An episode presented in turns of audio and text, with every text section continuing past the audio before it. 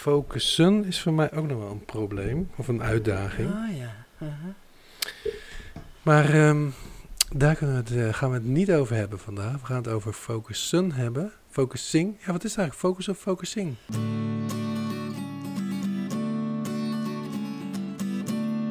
Hoi, ik ben Steven van Rossum en dit is de Esoterre Podcast. In deze podcast spreek ik diverse gasten uit de complementaire zorg.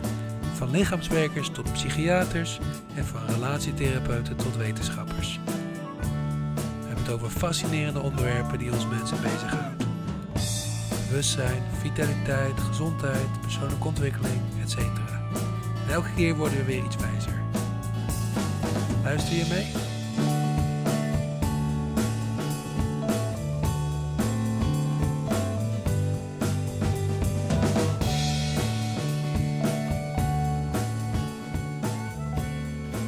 Is wel leuk eigenlijk dat je dat vraagt. Eh, eh, focussen is het werkwoord.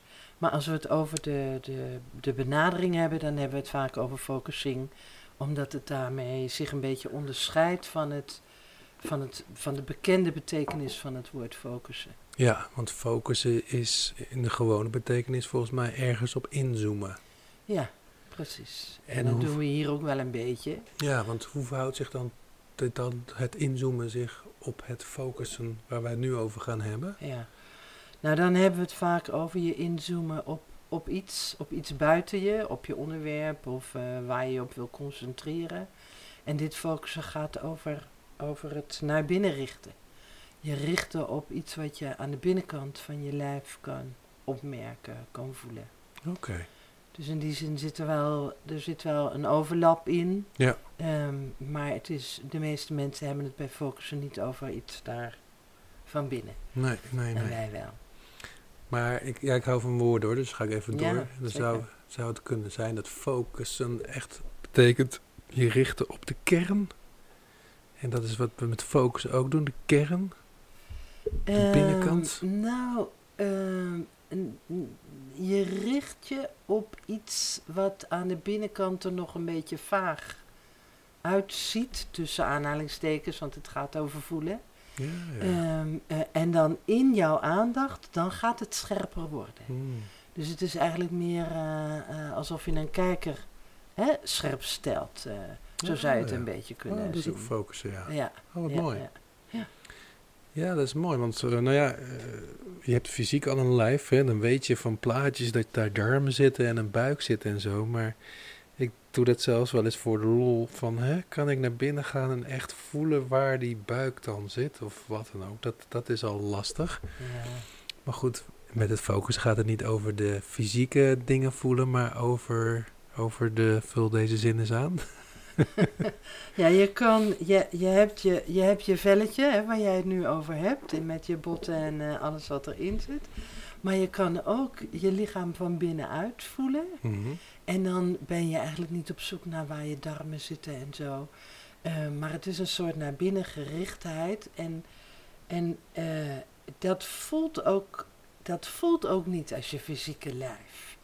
Want als je zo je naar binnen richt, dan is dat... Je fysieke lijf is ook een soort afgesloten, beperkte ruimte. Ja, En als je op deze manier je aandacht naar binnen rijdt, eh, richt, dan gaat het om een hele grote ruimte eigenlijk. Hmm. Die misschien zelfs wel niet beperkt is tot jezelf. Nou, wauw. En, en vertel eens wat over die ruimte. Heb je het dan over een, een- de gevoelswereld? Of? Ja, je hebt het over de gevoelswereld. ehm, en met gevoelswereld hebben we het denk ik vaak over emoties.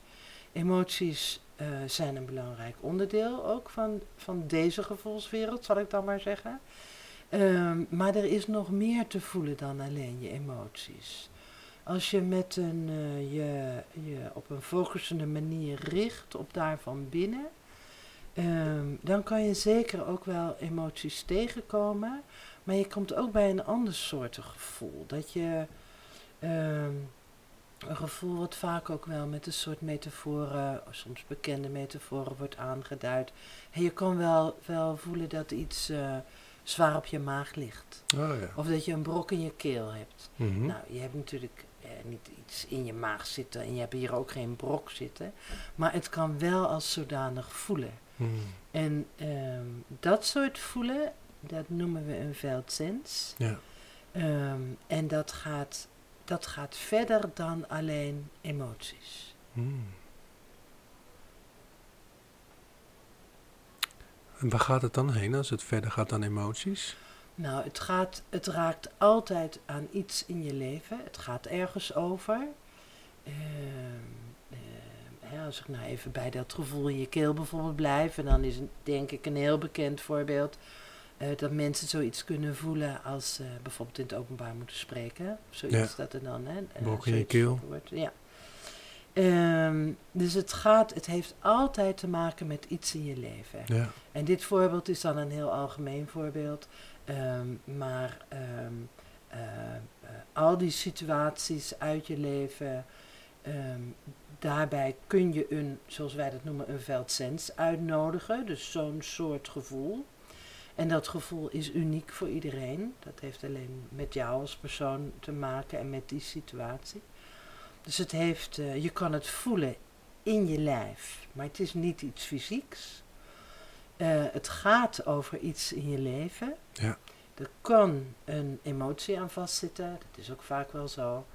Ehm, en ehm, eh, ja, niet zelden komt er een soort van beeld op. Hè? Dat is dan het antwoord of het vervolg op de zin van het voelt zoals of het voelt alsof. Ja. Nou, en dan komt er een soort beschrijving. Ja. Ehm, dus, het, dus het heeft in ieder geval al die aspecten. Ehm, en en zo'n zo'n iets wat je dan voelt van binnen heeft vaak ook een, eh, een soort. Eh, ik zei, het gaat over iets in je leven, maar het heeft ook vaak een soort geschiedenis. Hmm. Het heeft te maken vaak met iets wat al veel ouder is in je leven. Ehm, en het leuke is, het heeft ook een soort toekomst.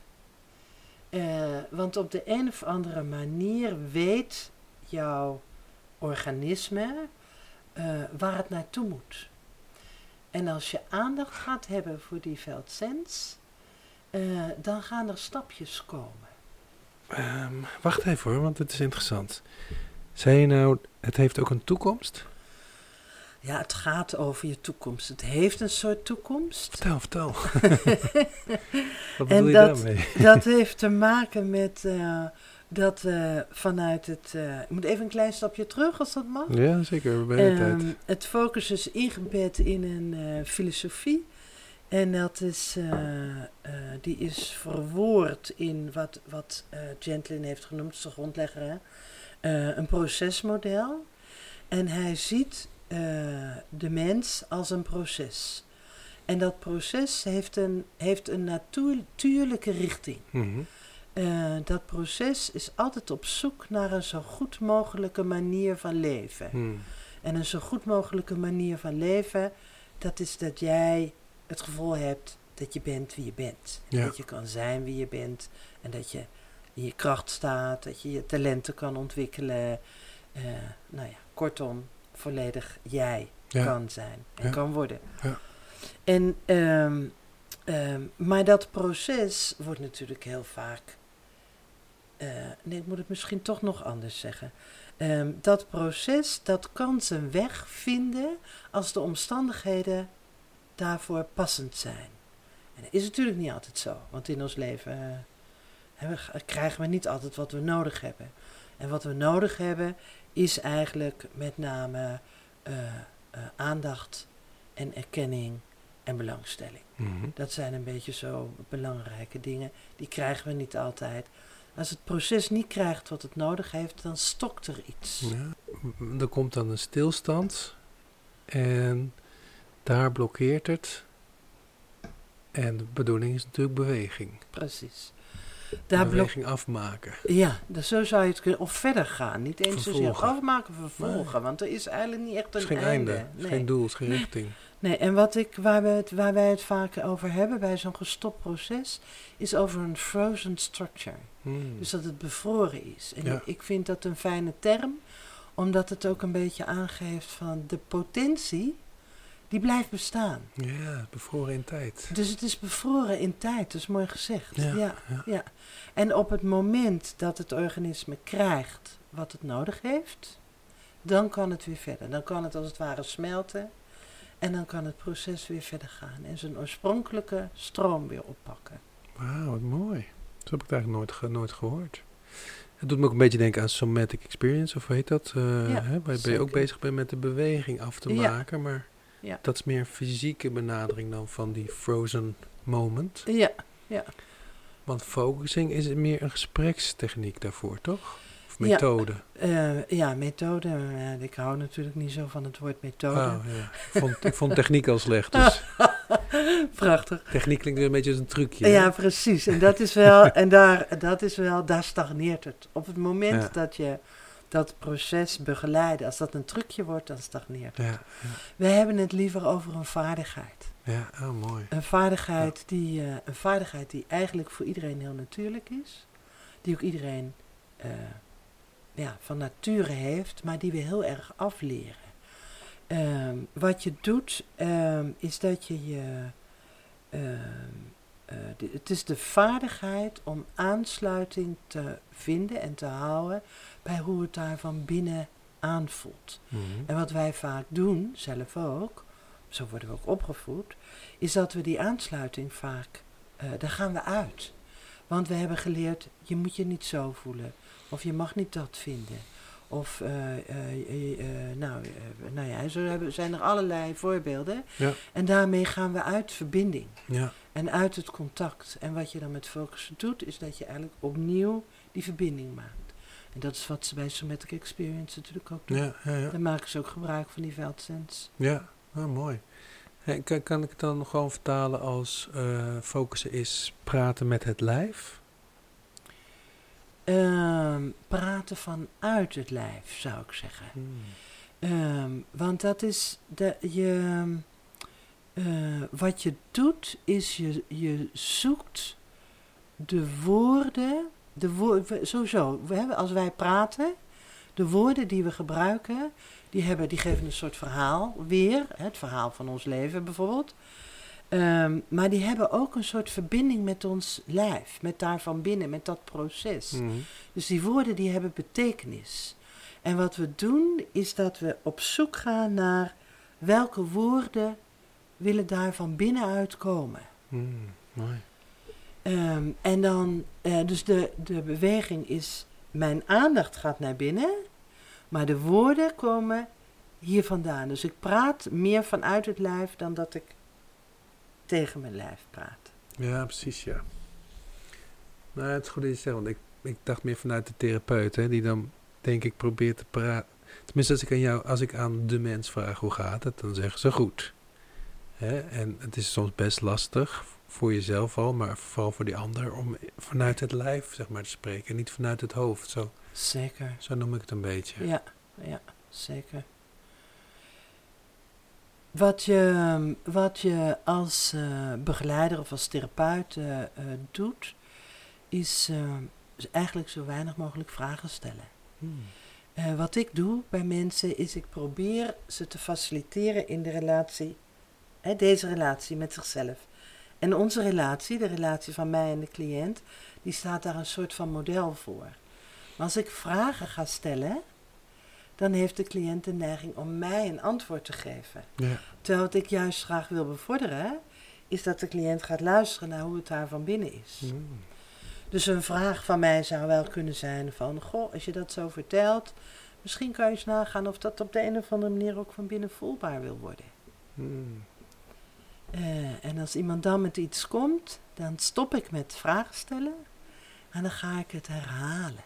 Oh, En wat ik met herhalen doe, is, ehm, is dat ik heel dicht blijf bij waar de ervaring is.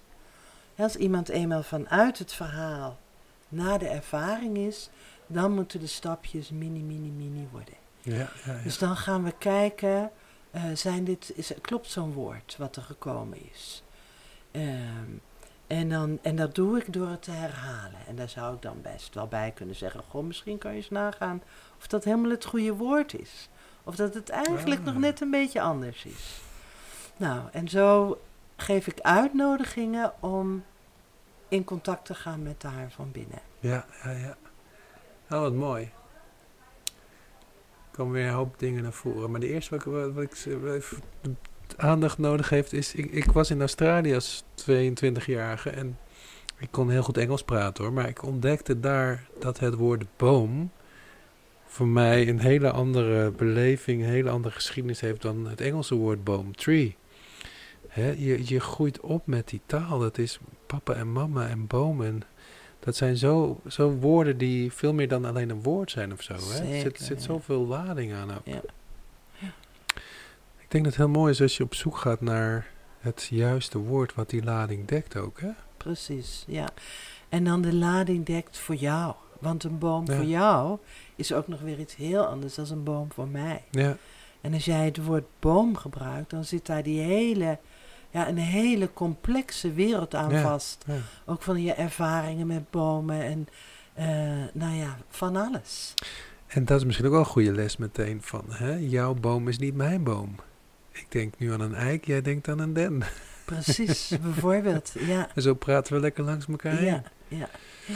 Dus Mooi. daarom, doe, daarom hou ik me ook heel, blijf ik heel dicht bij de taal van de cliënt. Ja, ja. Ik ga niet met andere, ik kom niet met andere woorden. Nee, nee, nee, nee. Maar juist de woorden die die cliënt Ja. gebruikt. Want daar zit die hele betekenis aan vast. Ja. En ook dat, hoe het verder kan gaan. Ja, ja. Nou weet ik niet meer waar ik dit geleerd heb, maar ik gebruik het ook vaak dat ik, als ik iemand iets hoor zeggen wat, waar je ziet al dat de lading in zit, hè, vraag ik om dat nog een keer te herhalen of nog een paar keer te herhalen. En dan zie je dat er ook steeds meer gevoel bij die woorden komt. Is dat iets vanuit de focusing of is dat wat Nou, anders? dat is in ieder geval een hele mooie manier volgens mij om eh, iemand te helpen nog wat meer verbinding daarmee te krijgen. Ja, ja, ja. Want wat we natuurlijk vaak doen, de woorden komen wel ergens vandaan, maar eh, ze hebben niet direct altijd die volle betekenis die ze ook hebben. Nee. En door iemand te vragen om het te herhalen, komt daar meer, komt er meer verbinding, komt er meer betekenis en komt er meer vanuit, nou ja, vanuit het leven, zeg maar, eh, naar voren. Ehm, jij vraagt aan iemand om het woord nog een keer te herhalen. Jij zou het ook kunnen doen. Hmm. Je zou, jij zou ook het woord voor die ander kunnen herhalen. Dat geeft de ander ook een soort eh, kans, gelegenheid om even na te voelen of het klopt. Ja, En eh, het interessante wat daar ook bij gebeurt is, er gebeurt namelijk ook iets, ook iets in de relatie tussen jou en die ander. Ik kan beter nog verbinding met mezelf maken in de relatie ook met jou. Ehm, en eh, wat een cliënt wel tegen, tegen mij wel eens zei van, als jij het zegt, zelfde woorden hè, zei ik dan. Als jij het zegt, is het net of het meer waar is. oh, wauw. Nou, dat ga ik eens proberen, ja. Dat zou, dat zou ik doen. Ik ben Ja. heel benieuwd. Ja, ja, ja, ja. En dan met die mooie rust die je, die je ook hebt zoals je hier zit. Ja, wat mooi zeg, hé. Ja. Hey, eh, ja, want ik kan me ook voorstellen, of tenminste dat, dat zie ik dan, hè, dat mensen, dan hebben ze eindelijk een zin uit hun lijf, hè, wat soms best wel eh, al een uitdaging is. Zeker. En dan schrikken ze daar misschien wel van als het ware en, en wordt dat dan met een lachje of hè, eh, Mhm. af, afgedaan. Mm. Eh, maar goed, het is inderdaad, het kan soms een heel waardevol of een heel geladen eh, uitspraak zijn. Ja. Ehm, ik heb weer een folder gekregen. en Die zie ik nu opeens in mijn ooghoek. Gaan we nu op één. Focuscentrum Affine de Vries. En ik zie daar drie plaatjes. En het doet mij denken aan mijn favoriete uitspraak. Om je ergens mee te verbinden moet je er eerst los van zijn. Is dat waar ik naar zit te kijken? Of is het iets heel... Nee, prachtig. Ja, helemaal. Ehm, hè, als ik zeg van eh, het gaat er bij het focussen om dat je er een relatie aangaat met iets wat van binnen voelbaar is. Wat ik die veldsens heb eh, Ja, genoemd. ja. Eh, als je erin zit, wat jij eigenlijk ook zegt, ehm, dan, is er, dan is er geen ik.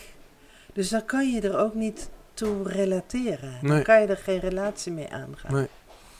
Eh, maar in deze situatie ook niet. Als het te ver weg is, Ja, als je alles heel mooi hebt, eh, ik zal maar zeggen, weggerationaliseerd. ja, ja. Of soms gewoon echt helemaal weggeduwd en hè, ontkend. Dan is er ook geen relatie. Nee. En waar we naar op zoek zijn, is inderdaad deze situatie. Dat je bij iets kan zijn. Ehm, en wij hebben het dan, Oh wat we, hè, als we die relatie aangaan, dan hebben we het vaak over iets in mij. Er is iets in mij, ehm, en dan dat plaatje waar je er helemaal mee samenvalt.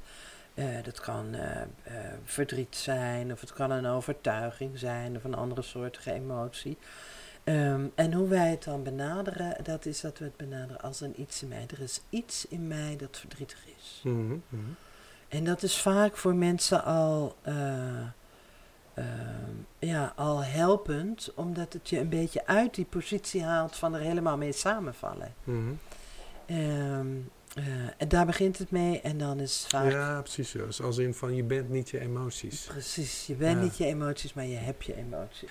Want het maakt een beetje ruimte vrij voor de ik. Ja, ja, Eh, en dan voel je al wat minder hopeloos of wat minder overweldigd. ja, ja. Dan is er weer een Eh, ik. Ja, Ja, dan ben je er wat losser van natuurlijk. Ja. Ja. En het middelste plaatje, eh, je had het net over, eh, waar ik dan vroeger een beetje allergisch voor was, van mensen die zeiden, ik heb het een plek gegeven. ja. En dan is dat meestal een, een, een soort van notificatie van, daar gaan we het niet meer over hebben. Hè? Zo, zo duidelijk plek hebben we het Aha. gegeven. Uh-huh.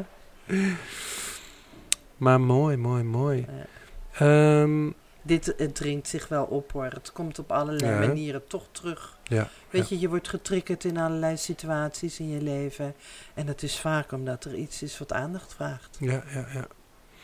En ehm, jij hebt ook een praktijk. Eh, hoe, hoe komen mensen met deze thematiek bij je, of met welke thematiek komen ze dan bij jou terecht? Ja, oké. Daar wil ik heel graag antwoord op geven. Mag ik ook zeggen dat ik heel graag nog iets wil zeggen naar aanleiding van de mindfulness? Ja, ja, zeker. Begin daar eens mee. Oké, goed. Ehm, wat je, wat, eh, eh, wat eh, wij zeggen vaak, samen met de mindfulness mensen, het is niet zo dat ik me daar nou tegen wil afzetten of zo, tegendeel is waar. Ehm, maar de, begin, de beginsituatie die komt heel sterk overeen.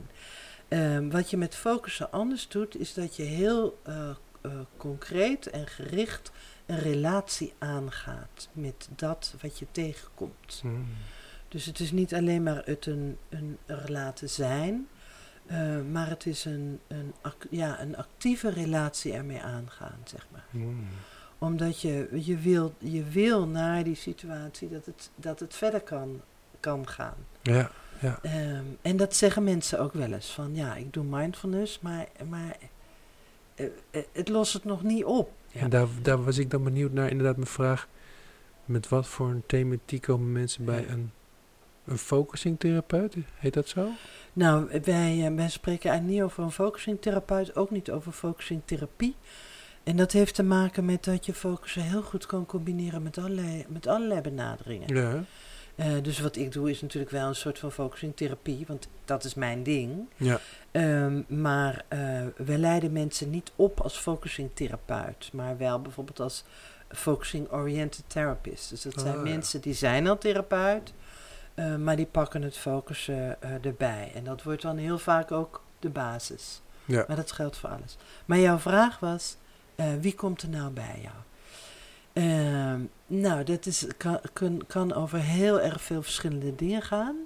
Ehm, ik had het net over, net over die mindfulness. Mhm. Soms zijn er mensen die zeggen van ja, ik heb al van alles gedaan. Ik heb een trauma uit mijn jeugd. Ik heb al van alles gedaan. Maar, maar het is er nog altijd. Hmm. En eh, dat zijn mensen waarvan ik denk, nou, eh, kom maar. Ja, ja, ja. Want die hebben namelijk al heel veel gedaan. Dus die hebben al heel veel voorwerk gedaan. En het enige wat dan vaak nog mist, dat is dat, die lijfelijke verbinding. Ja, Want die is belangrijk, want Ja. daar vindt de transformatie plaats. ja. Al die andere dingen, het inzicht eh, eh, en, en het verhaal helder krijgen, is ook allemaal belangrijk. Maar de transformatie vindt van binnen plaats. Ja, Dus dan denk ik altijd, kom maar, gaat lukken. Ehm, en er zijn ook mensen die komen omdat ze, omdat ze niet kunnen voelen. Dat vind ik een hele interessante. ja. En eh, ik denk dat dat heel vaak eh, komt omdat wij een soort. Ja, we hebben ons een soort beeld gecreëerd van wat voelen is of zou moeten zijn. Ehm, en ja, als je daar niet aan voldoet, of als je partner zegt dat, dan, eh, Oh, dan ja. ontstaat er zo'n gevoel van niet kunnen voelen. Ja.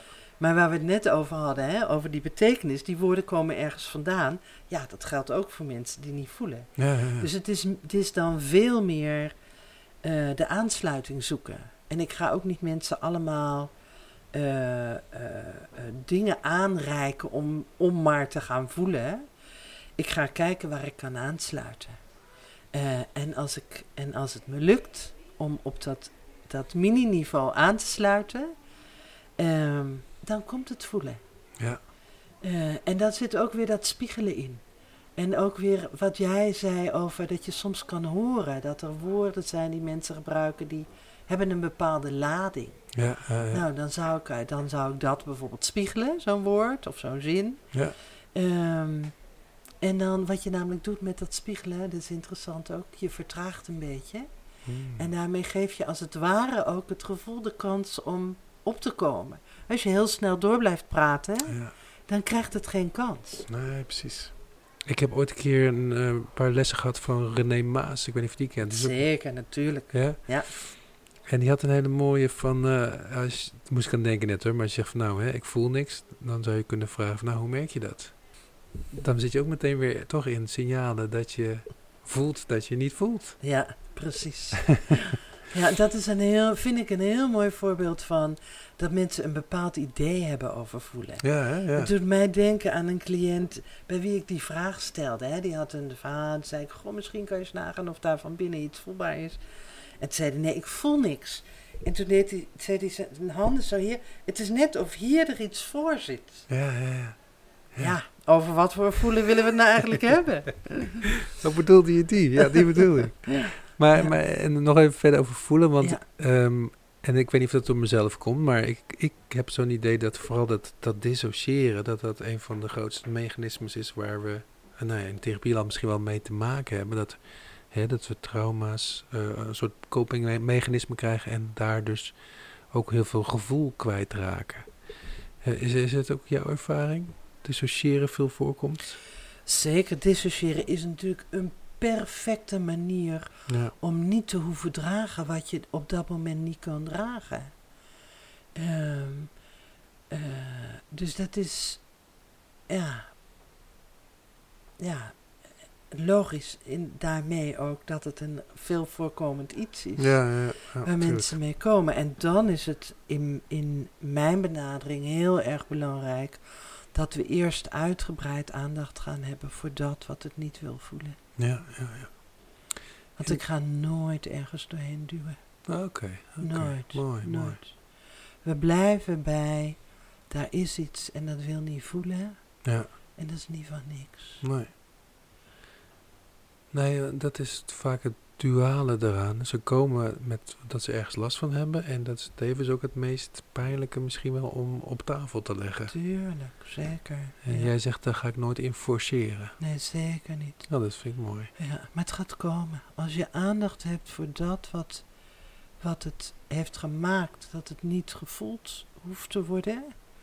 Als dat erkenning kan krijgen, want dat is eigenlijk het belangrijkste waar het over gaat, erkenning. Als dat erkenning kan krijgen en ook als dat mag horen, dat zeg ik ook vaak, misschien kan je zo van binnen even laten weten, er hoeft niks. Hmm. En dat doet vaak zo goed. Ja, Want dat is wat mensen in therapie ook heel vaak leren, hè, dat ze er juist naartoe moeten. ja, ja. Dat hoeft bij mij niet. Eh, maar het bijzondere is, en dat vind ik het bijzondere van dit hele proces, ehm, dat als het niet hoeft, er wel iets gebeurt. ja, mooi, mooi. Want wat we, wat we niet doen, hè, als iemand tegen mij zegt van ja, of als, als duidelijk blijkt zo in dat proces van binnen dat, dat het- ze willen niet daar van binnen, dan zeg ik niet, nou dan doen we het toch niet en dan gaan we het ergens anders over hebben. Dat doe ik niet. Nee. Eh, ik blijf wel bij dat wat het niet wil. Ja, ja, En daar de aandacht voor hebben. En daar gaat iets gebeuren. ja. Oh, mooi, mooi, mooi. Ja, dat is mooi. Mooi. Ja, ik moet daarbij denken, mag ik een voorbeeld geven? Ja, ja. Over iemand die, ehm, eh, die had het beeld van een put. Van hem? Een put. Met Oh, ja, een ja, putdeksel. En onder die put zat van alles. En dan moest daar vooral blijven zitten. Nou, daar hebben we veel aandacht voor gehad. En dat eh erkend. Eh, Het was iemand die ook al veel therapie had gehad. En, en vaak uitgenodigd was om die deksel er toch maar eens voorzichtig. Of een klein beetje. Of nou ja, weet ik wat allemaal. Ehm, Eh, Ik ga niet uitnodigen om eh, die deksel van de put te halen, maar als ik er op die focusende manier bij blijf eh, en zo heel nauw van moment tot moment bij hoe het bij die ander in het lijf aanvoelt, dan gaat die deksel vanzelf. Mm. Dat hoef je niet te doen, maar dan komt het. Ja. Dat is het, vind ik, het magische van, van focussen. ja, mooi, mooi. En jij zegt wat het nodig heeft is erkenning. Eh, waar, waar, wat betekent dat? Waar bestaat dat uit? Wat is erkenning? Ehm, erkenning is een soort van invoelen eh, dat het is zoals het is. Bijvoorbeeld zo'n iets wat, wat niet eh, de deksel ervan af wil, of nou ja, wat voor andere manier dan ook. Het invoelen, het belang daar ook van. En het invoelen eh, van eh, hoe, het belang daarvan en ook hoe goed dat gedaan heeft. Hoe belangrijk het Hmm. geweest is om inderdaad te zorgen dat het niet gevoeld hoefde te worden. Ja, goeie. en dat en daar, weet je, en daarbij in de buurt blijven, erbij verwijlen, zeggen we dan vaak.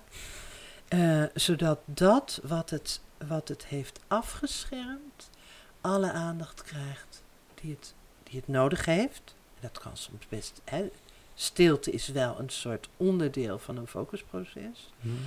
Ehm, erkenning is, is ook dat je er niet aan gaat duwen. En erkenning is ook dat je er geen oordeel over hebt. Mm. Ehm, eh, nou, does it make sense? Ja, dat is wel een mooi, Ah, mooi plaatje van wat erkenning is, ja. ja, ja. Maar wat ik ook wel hoor zeggen is inderdaad, eh, eh, het heeft zijn functie gehad, tussen aanhalingstekens, of tussen haakjes.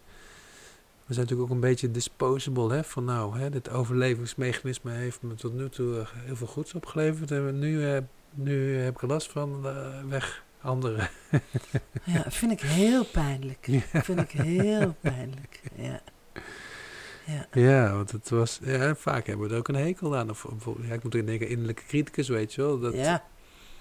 En dan, ehm, dan is het opeens een, een, een, vervelend persoon, maar hij heeft ons zo eh, vanuit liefde eigenlijk ook weer probeer, probeert te, te helpen, te behoeden. ja. Ja, Ja. mooi. Wat, ik, wat ik leuk vind, wat je hierover zegt met die innerlijke criticus bijvoorbeeld. Ja, Ehm, wat, eh, eh, wat wij merken is dat het zo belangrijk is dat, het, dat, dat eh, bijvoorbeeld zo'n ontdekking, dat, het, dat zo'n criticus vanuit liefde heeft gehandeld, dat dat van binnenuit eh, ervaren mag gaan worden. Hmm. En niet van buitenaf. Ja. hè, wij kunnen allemaal wel zeggen, ja, jouw innerlijke criticus die heeft het beste met je voor. ja. Maar die ander ervaart dat helemaal niet zo, nee. want die criticus die, die duwt maar.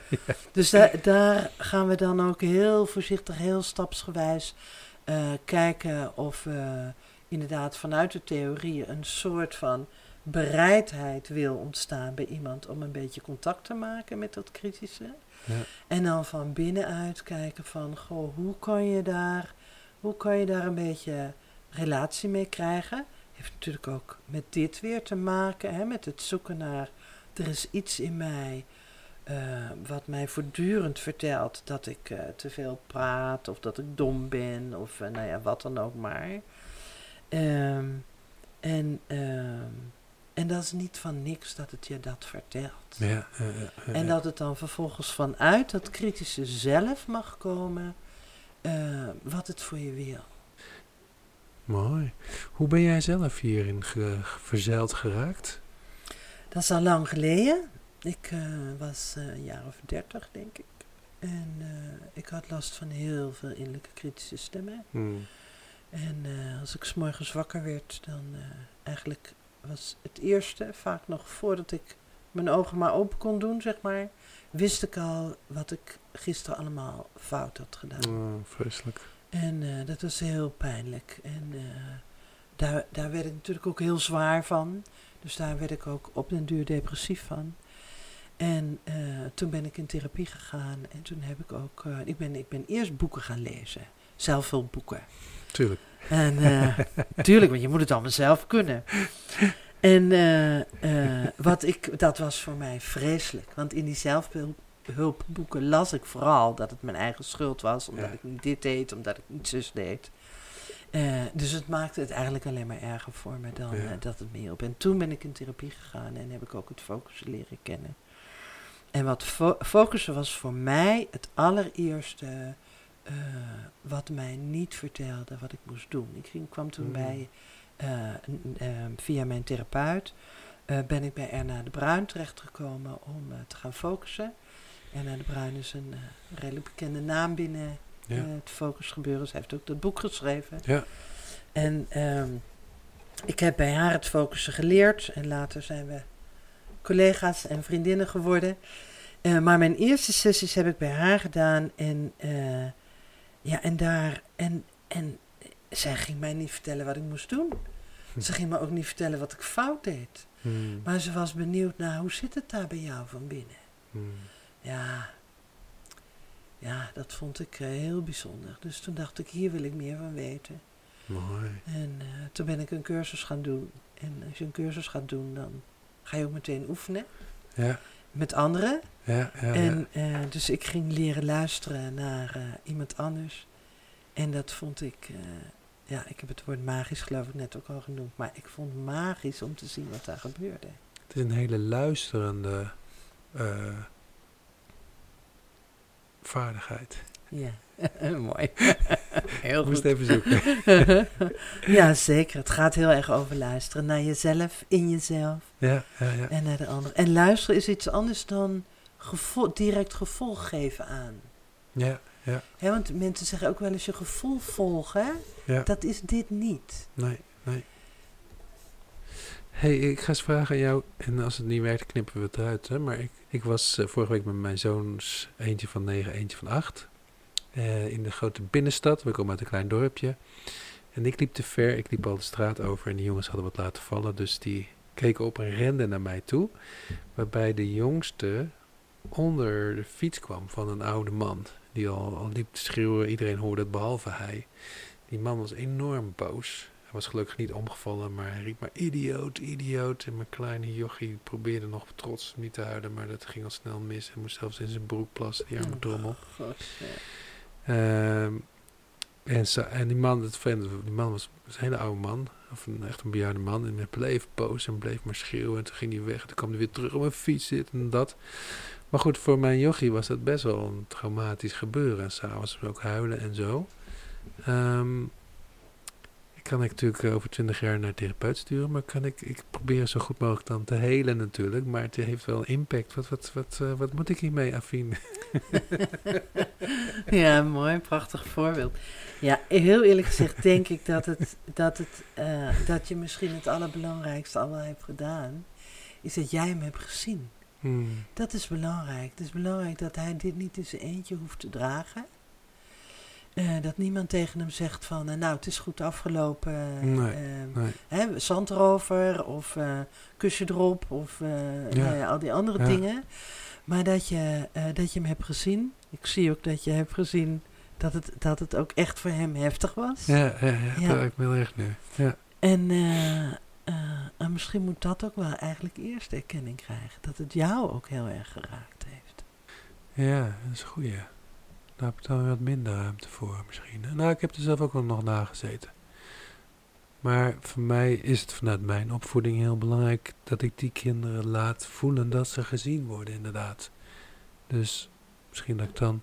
En ik heb later s'avonds ook nog de revue gepasseerd. Hè, van eh, hoe heb ik dit gedaan? En nou, ik was best wel tevreden over mijn rol.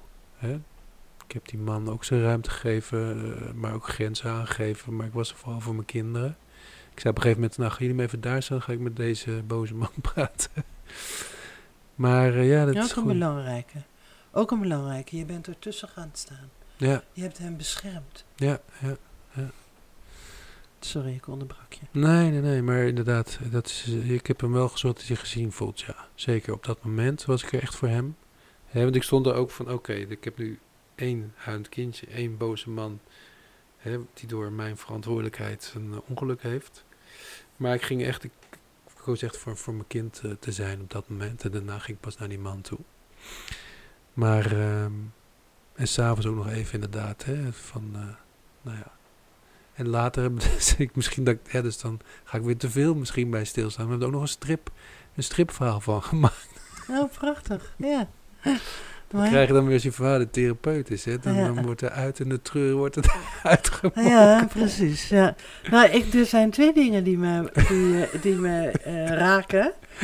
En het eerste is, ehm, eh, het raakt jou. Hm. En je zegt ook, ehm, ik voel vanuit mijn verleden hoe belangrijk het is dat mijn kinderen het gevoel hebben dat ze gezien worden. Mhm. Ehm, dat is. ehm, dat is natuurlijk prachtig. Ehm, maar het kan ook zijn. Ik ga het heel voorzichtig zeggen. En dan jij kan wel voelen of het een beetje aankomt of niet. Het kan ook zijn dat het op een gegeven moment te veel jouw ding wordt. In de zin van ik moet wel zorgen dat mijn kind gezien wordt. Ja, ja, ja. En dat het minder aansluit bij wat er bij hem gezien moet worden. Dus daarom, daar komt eigenlijk, kwam ook mijn opmerking van daarnet vandaan. Van, goh, misschien is het goed om ook voor jezelf even aandacht te hebben van, goh, wat Ja, doet het met mij? ja. Dat is een goeie. Ehm, en daar lijkt, eh, daar lijkt van alles aan vast te zitten. En want ik hoor je ook zeggen, die boze man die door toedoen van mij, eh, eh, bijna, nou ik weet niet meer precies wat, eh, eh, wat je zei, maar in ieder geval door toedoen van jou. Ja, mijn verantwoordelijkheid. Oh, ja, de, ja. Ehm, dus daar kan ook, nou ja, dat kan ook heel erg de moeite waard zijn om daar een beetje ruimte voor te maken bij jezelf. Ja. Nou, weet je wat het was? Kijk, ik, ik geef ze altijd veel ruimte. En toevallig was ik net bezig met het thema dat ik... ehm, kijk, ik ben heel ges- ge- een beetje gesloten of... eh, ge- hoe zeg je dat nou? Nou, korter opzittend eh, opgevoed. Hè? En ik, ik zie nu best wel wel mensen die juist met alle vrijheid zijn opgevoed. En ook daar juist weer last van hebben. Hè? Dus Zeker. ik zag dat ik eigenlijk... Mijn vrouw had ze nooit zeg maar, losgelaten aan de andere kant van de straat. En ik vond wel dat ik daar... Nou ja, ik was sowieso verantwoordelijk, maar ik, dat ik ze daar iets te veel ruimte had gegeven. Mhm. Ik dacht dat ze wisten dat ze niet zomaar blind een straat over kunnen rennen. Zeker niet in, in een drukke stad, maar dat deden ze wel. Mijn verantwoordelijkheid. En mijn les ook. En ik, nou ja, goed, ik maak, dat pakt het dan weer helemaal uit. Dan denk ik meteen, dit is eh, de les in delegeren ook. Hè? Hoe ik met mijn bedrijf en mijn medewerkers omga en zo. Maar goed, ik weet niet of dat is wat je, waar je naartoe wilt hoor.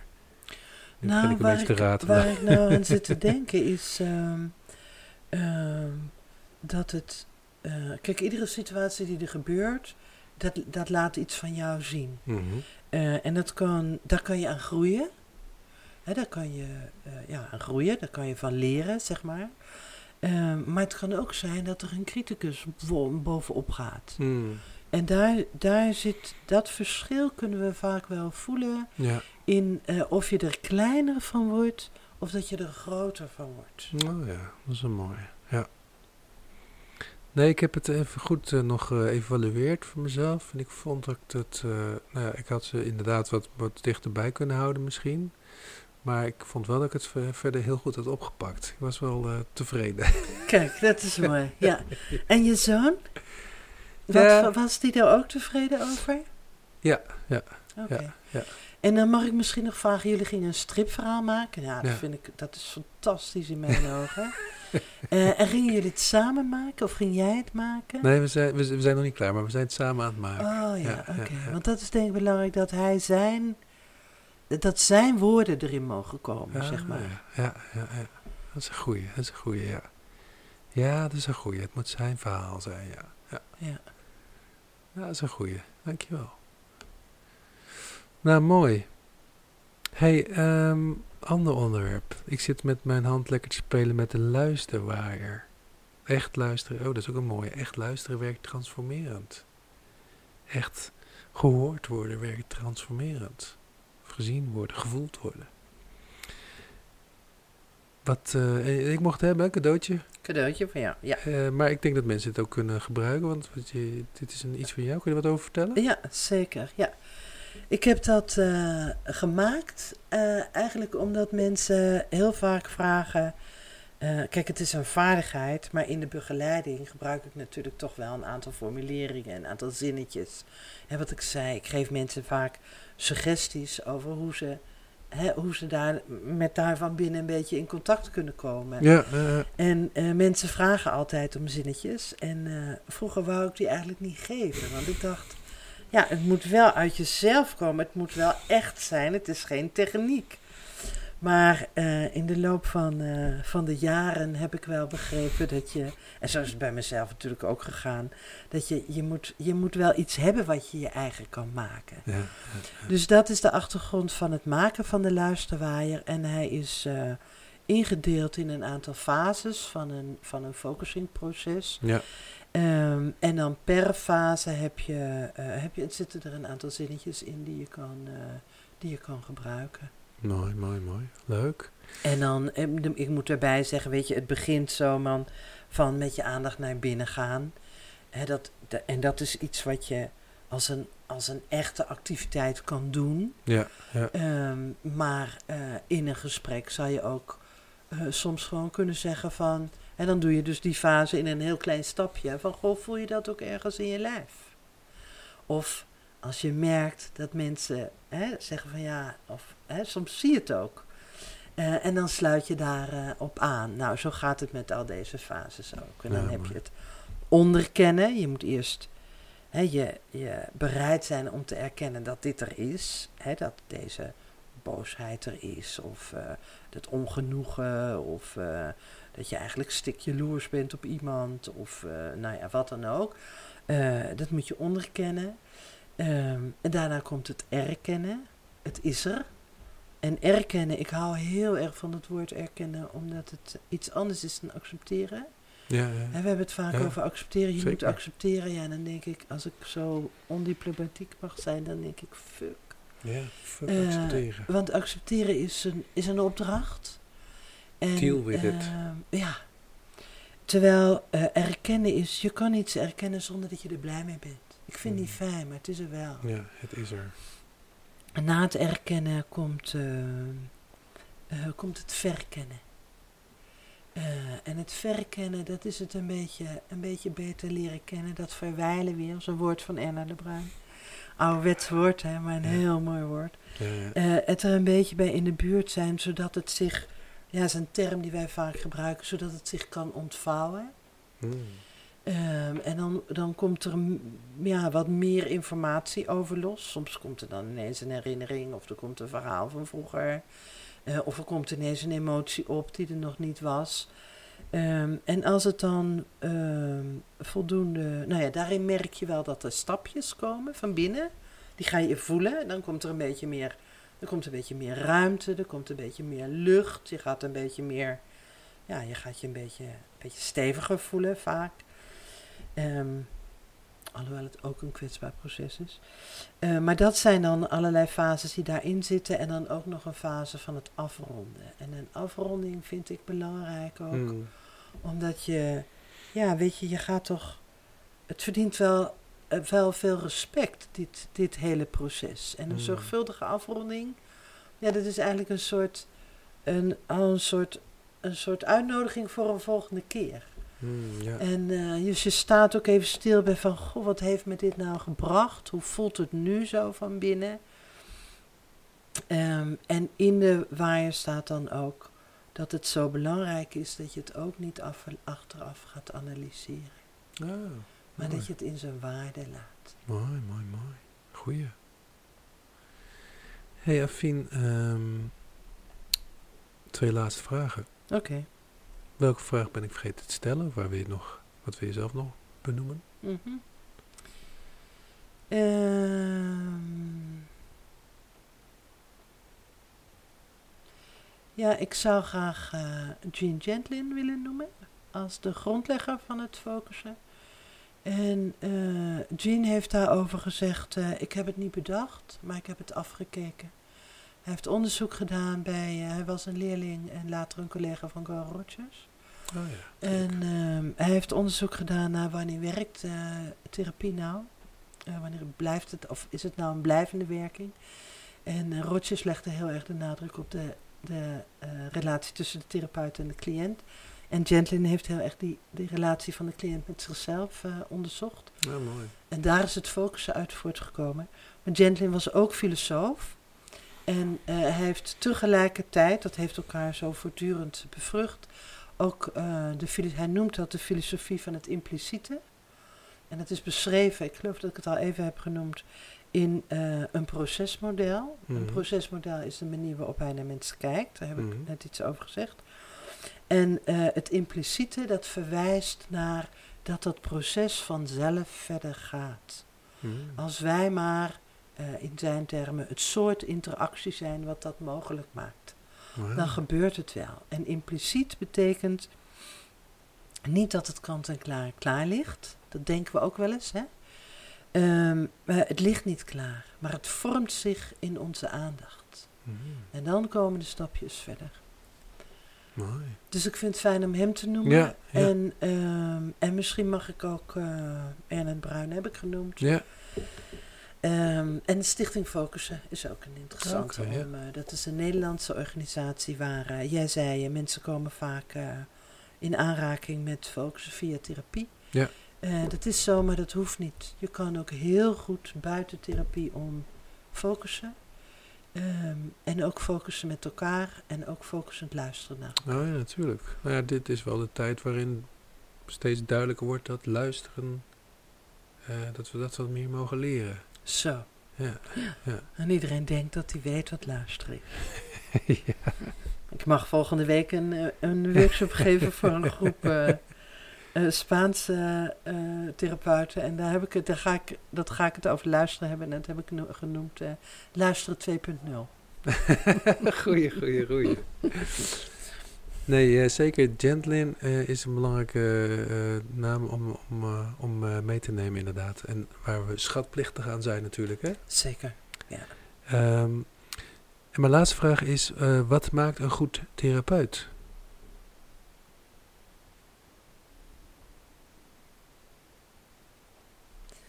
Ja, moet ik een beetje lachen natuurlijk, want ik zou zeggen, eentje die goed kan luisteren. dat, uh, dat in de eerste plaats. En ik denk dat uh, luisteren en uh, ja, holding is een term die wij vaak gebruiken. Wat je zelf ook doet. Hè, in de, als ik nog even naar die plaatjes verwijs van erbij, dan ben je zelf de holding voor iets. Mm. Maar dat ben je niet altijd meteen. Dus dat is heel belangrijk dat er dat de therapeut het kan containen. Ja. Dat lijkt me echt, dat lijkt me Holding twee, space. Twee uh, hele belangrijke dingen. En niet bang is dus voor wat er ook maar komt. Nou, dat is een goeie. Nou, toch even over luisteren dan, hè? want het klinkt ook zo makkelijk. Mm. Ik had het over een boom, hè? een boom is een boom, mm. maar luisteren, dan denk ik al aan dat ik moet luisteren. En we kunnen allemaal luisteren, denken we, maar toch is dat ons grootste euvel. Wat, wat is dan luisteren? Of hoe kunnen we hoe kunnen we luisteren? Wat hebben we nodig voor luisteren? Nou, wat, um, uh, wat ik denk dat we vaak doen met luisteren, is dat we luisteren om te reageren. Hmm. Uh, hè, je luistert en ondertussen ben je met allerlei hypotheses bezig als uh, therapeut en met duidingen en ja. met uh, wat een goede volgende stap is en welke methodiek deze cliënt zal aanspreken. En nou ja, weet ik veel wat we allemaal kunnen doen. En, uh, ja, en, en ja, mijn uitnodiging is om dat allemaal maar even naast je neer te leggen. En gewoon echt te luisteren. Wat zegt, wat zegt die ander nou eigenlijk? Ja. En wat betekent dat voor die ander? Eigenlijk, ze luisteren zonder strategie. Zonder strategie. Ja. Met een bereidheid, ik noem het vaak dat je bereid bent om niet te weten. Hmm. Dat geldt voor de therapeut, maar ook voor jezelf. We denken dat we zoveel weten.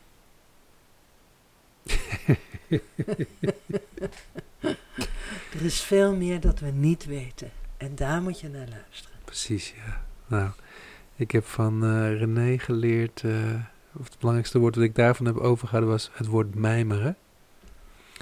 En uh, dat vind ik ook een mooi woord inderdaad. Dus laten we daar maar eens mee afsluiten en dan kunnen we daar nog over mijmeren. Heel mooi, ja.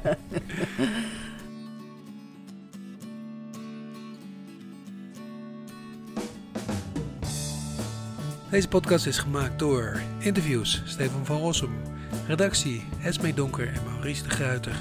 Muziek is van Stefan Alexander. Heb je interessante gasten of onderwerpen? Laat het ons weten.